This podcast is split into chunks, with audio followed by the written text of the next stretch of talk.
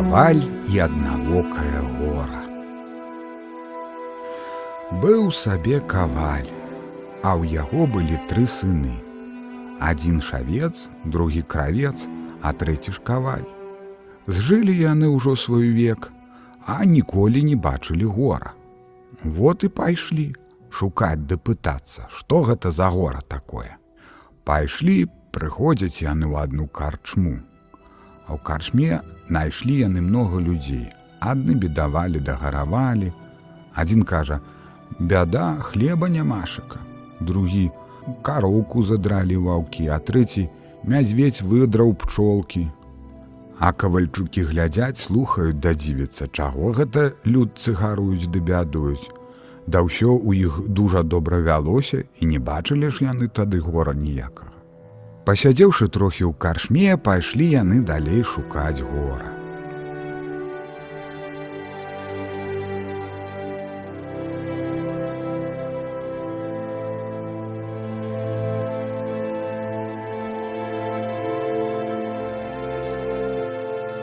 Прыйшлі ў лес. Ажны ў лесе на дарозе напалі на іх разбойнікі. Бяда, як гэта ад іх адбіцца, але так неяк адбіліся, хоць ім трохі і дасталося. Пайшлі яны далей па дарозе, а там звярнулі зусім у лес.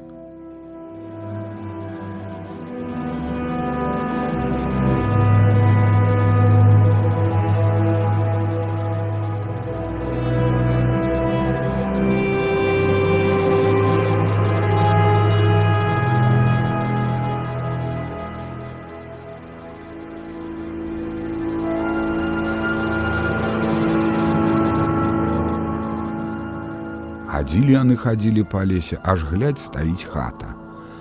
А ля дзвярэй ляжыць дужа вялікі камень. Яны ў хату, ажны там ні духу, паглядзелі ў печ, а там пячэцца цэлая авечка, а пад лаўкаю і пад сталом ходзяць яшчэ тры авечкі. Яны гэта дасталі з печы пячыстую, ну і давай есці.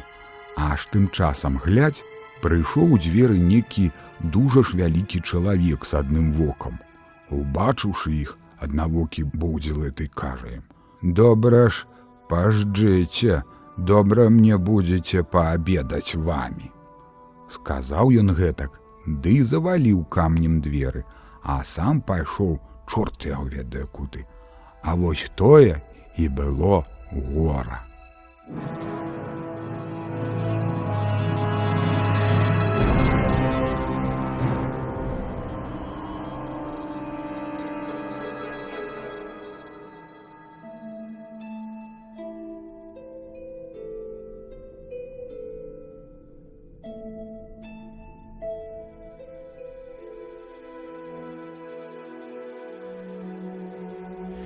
Бедныя кавальчукі адчураліся ўжо і печані сядзяць ды ім кажуць: « Водзе гора, Чаго нас пагнала нячыстая з дому, што тут рабіць, як гэта тут вылезці.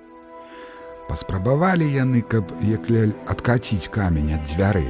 Да дзе ж там, не блізка, дужа вялікі, каб маць яго прапала, А тут вылезлі б, можа, ў вокны, як дык яны ж дужа малая і галава не ўлазіць.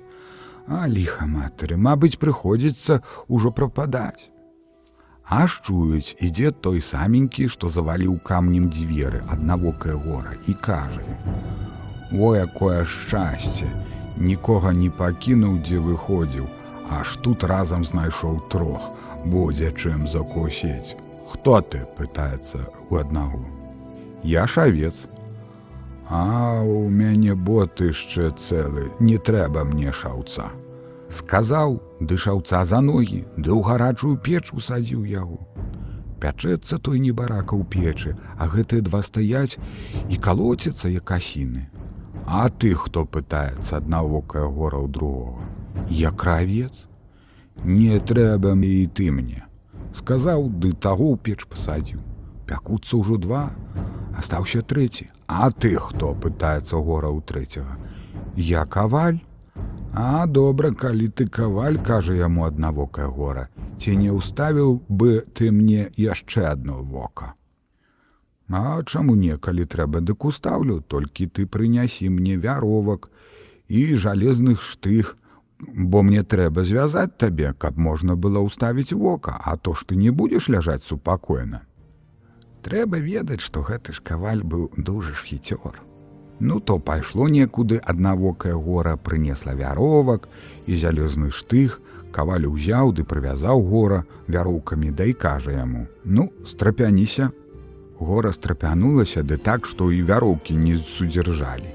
А каваль тады ўжо ж нанова прывязаў гора.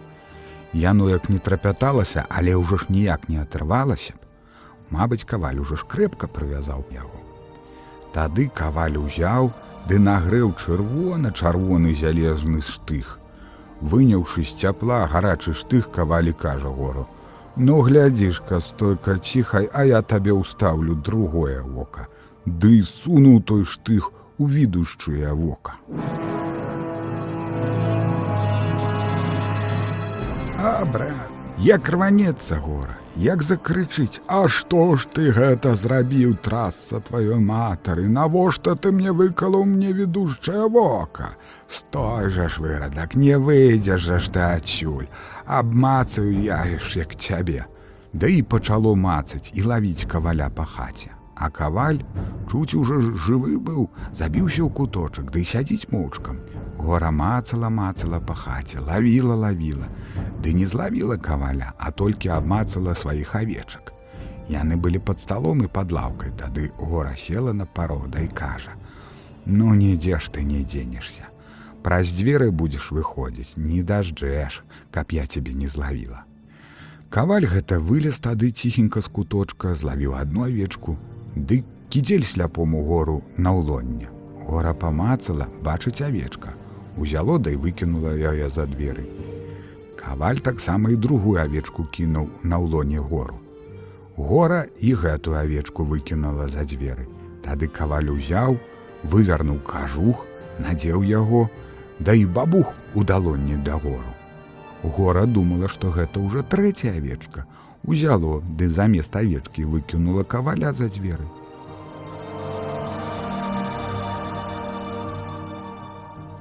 А дзякуй жа табе гора, што ты хоць аслабаніла мяне, закрычаў каваль здалёку. А ліха ж тваёй матары і бацьку твайму, калі гэта я цябе выкінула. Ну злодзей, маеш шчасце, не жыў бы ты ты болей. Глядзіш, будзеш ты ісці ў лесе ля калоды. Не возьми ты там хаця б мае сякеркі залатое лязо, срэбраны абушок, што ўткнута ў калодзе. Траста табе ў бок хвароба ў жывот, а не сякерка. Выхвараеш ты, пакуль яе не возьму, абы толькі знайшоў.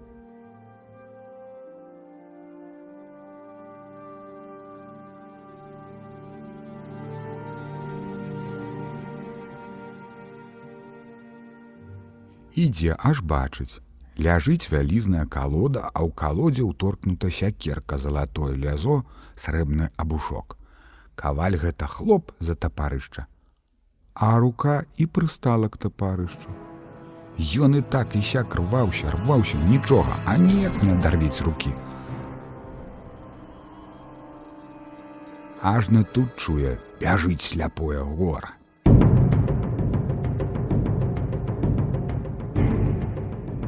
Ён гэта рвацца ізноў, а ніяк, а тут ужо ж гора блізка.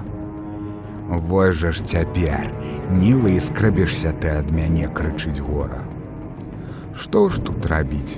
Абмацаў каваль каля сябе ў кішэні нож, дастаў яго з кары ды чырах. Адрэзаў руку ды з кары наўходала. Некалі ўжо было тут разінькі прадаваць. А яшчэ рад быў, што хаця і так адкупіўся. Пасля ж таго годзе ўжо і гора шукаць, бо ўжо ўбачыў, якое ж яно.